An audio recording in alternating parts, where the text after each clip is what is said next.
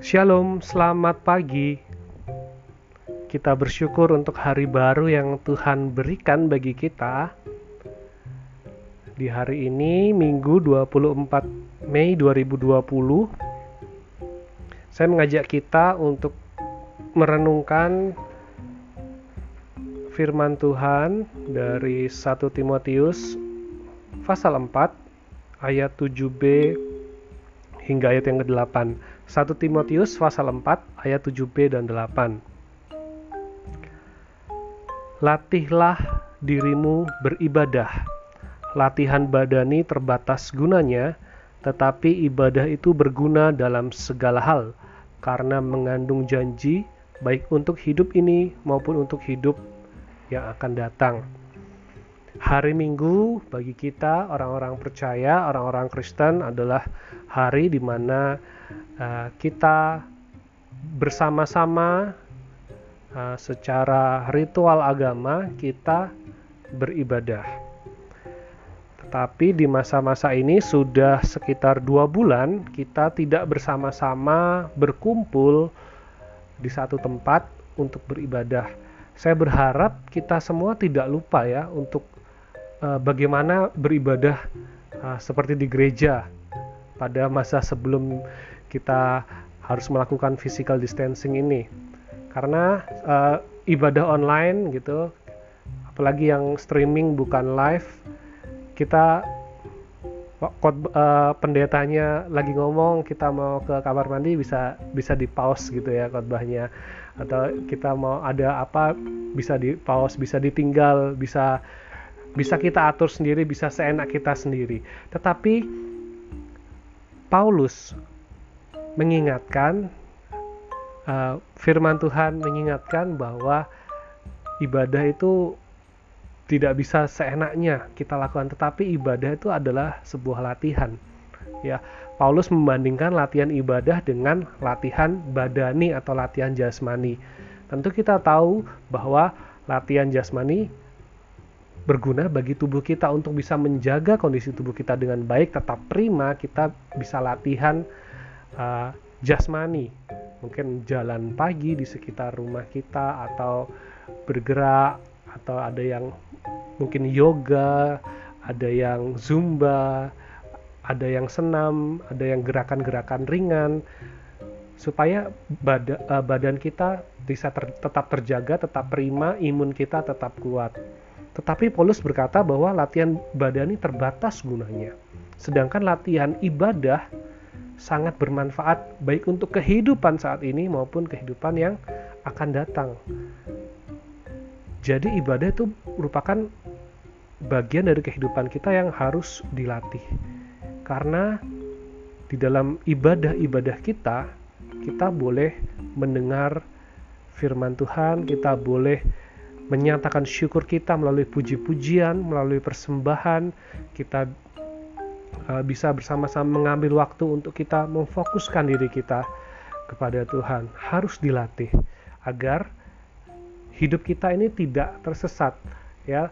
Uh, Paulus menuliskan 1 Timotius 4 kepada uh, Timotius dalam bagian ini untuk memperingatkan Timotius supaya tidak terlena dengan pengajaran-pengajaran yang berkembang saat itu, terutama pengajaran-pengajaran sesat. Harus hati-hati. Bagaimana caranya? Yaitu beribadah. Hari ini, hari Minggu, mari kita persiapkan ibadah kita dengan baik.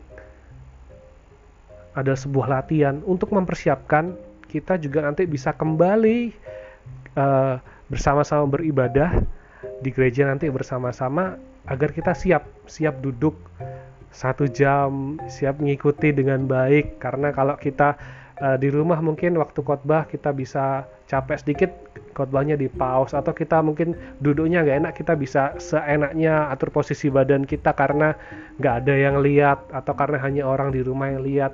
Mari kita latih ibadah kita kita beribadah dengan baik kita persiapkan diri dengan baik. Karena kita juga punya pengharapan punya kerinduan untuk bersama-sama beribadah dan semua orang ingin virus corona, pandemi corona ini segera berakhir dan bisa segera beribadah. Kalau kita tidak melatih diri kita Artinya apa? Kita tidak ingin virus corona atau pandemi corona ini segera berakhir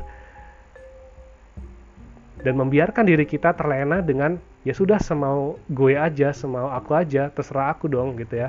Tidak bisa seperti itu. Mari kita latih diri kita ya. Kita punya pengharapan, kita punya kerinduan, kita punya keinginan harus dilatih, harus dipersiapkan. Di masa-masa ini kita harus semakin giat mempersiapkan diri sehingga apa? Sehingga ketika kita masuk dalam ibadah gereja, di gereja nanti bersama-sama kita punya kualitas ibadah yang lebih baik. Kita punya kesiapan hati yang lebih baik.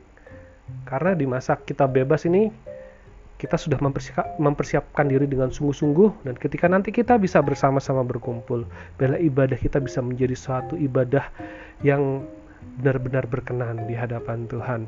Ya, harus dilatih. Jangan terlena dengan uh, pandemi ini, jangan sampai kita lupa diri, jangan kita sampai lupa Tuhan, jangan sampai lupa ibadah.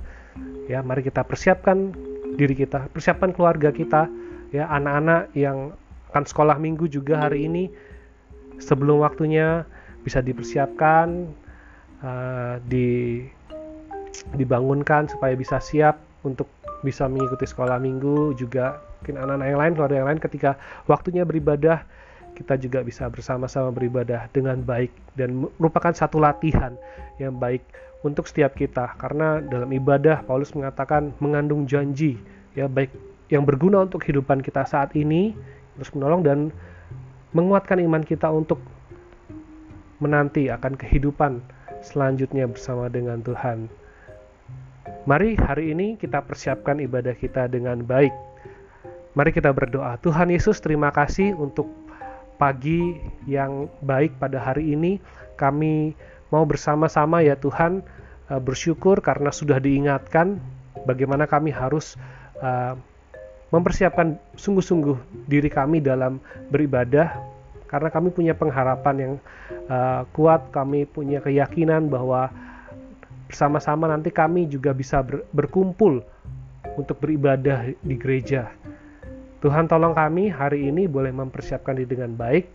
Yang kami yang berkeluarga, yang punya anak-anak, Tolong kami juga bisa mempersiapkan anak-anak dengan baik untuk bisa mengikuti sekolah minggu.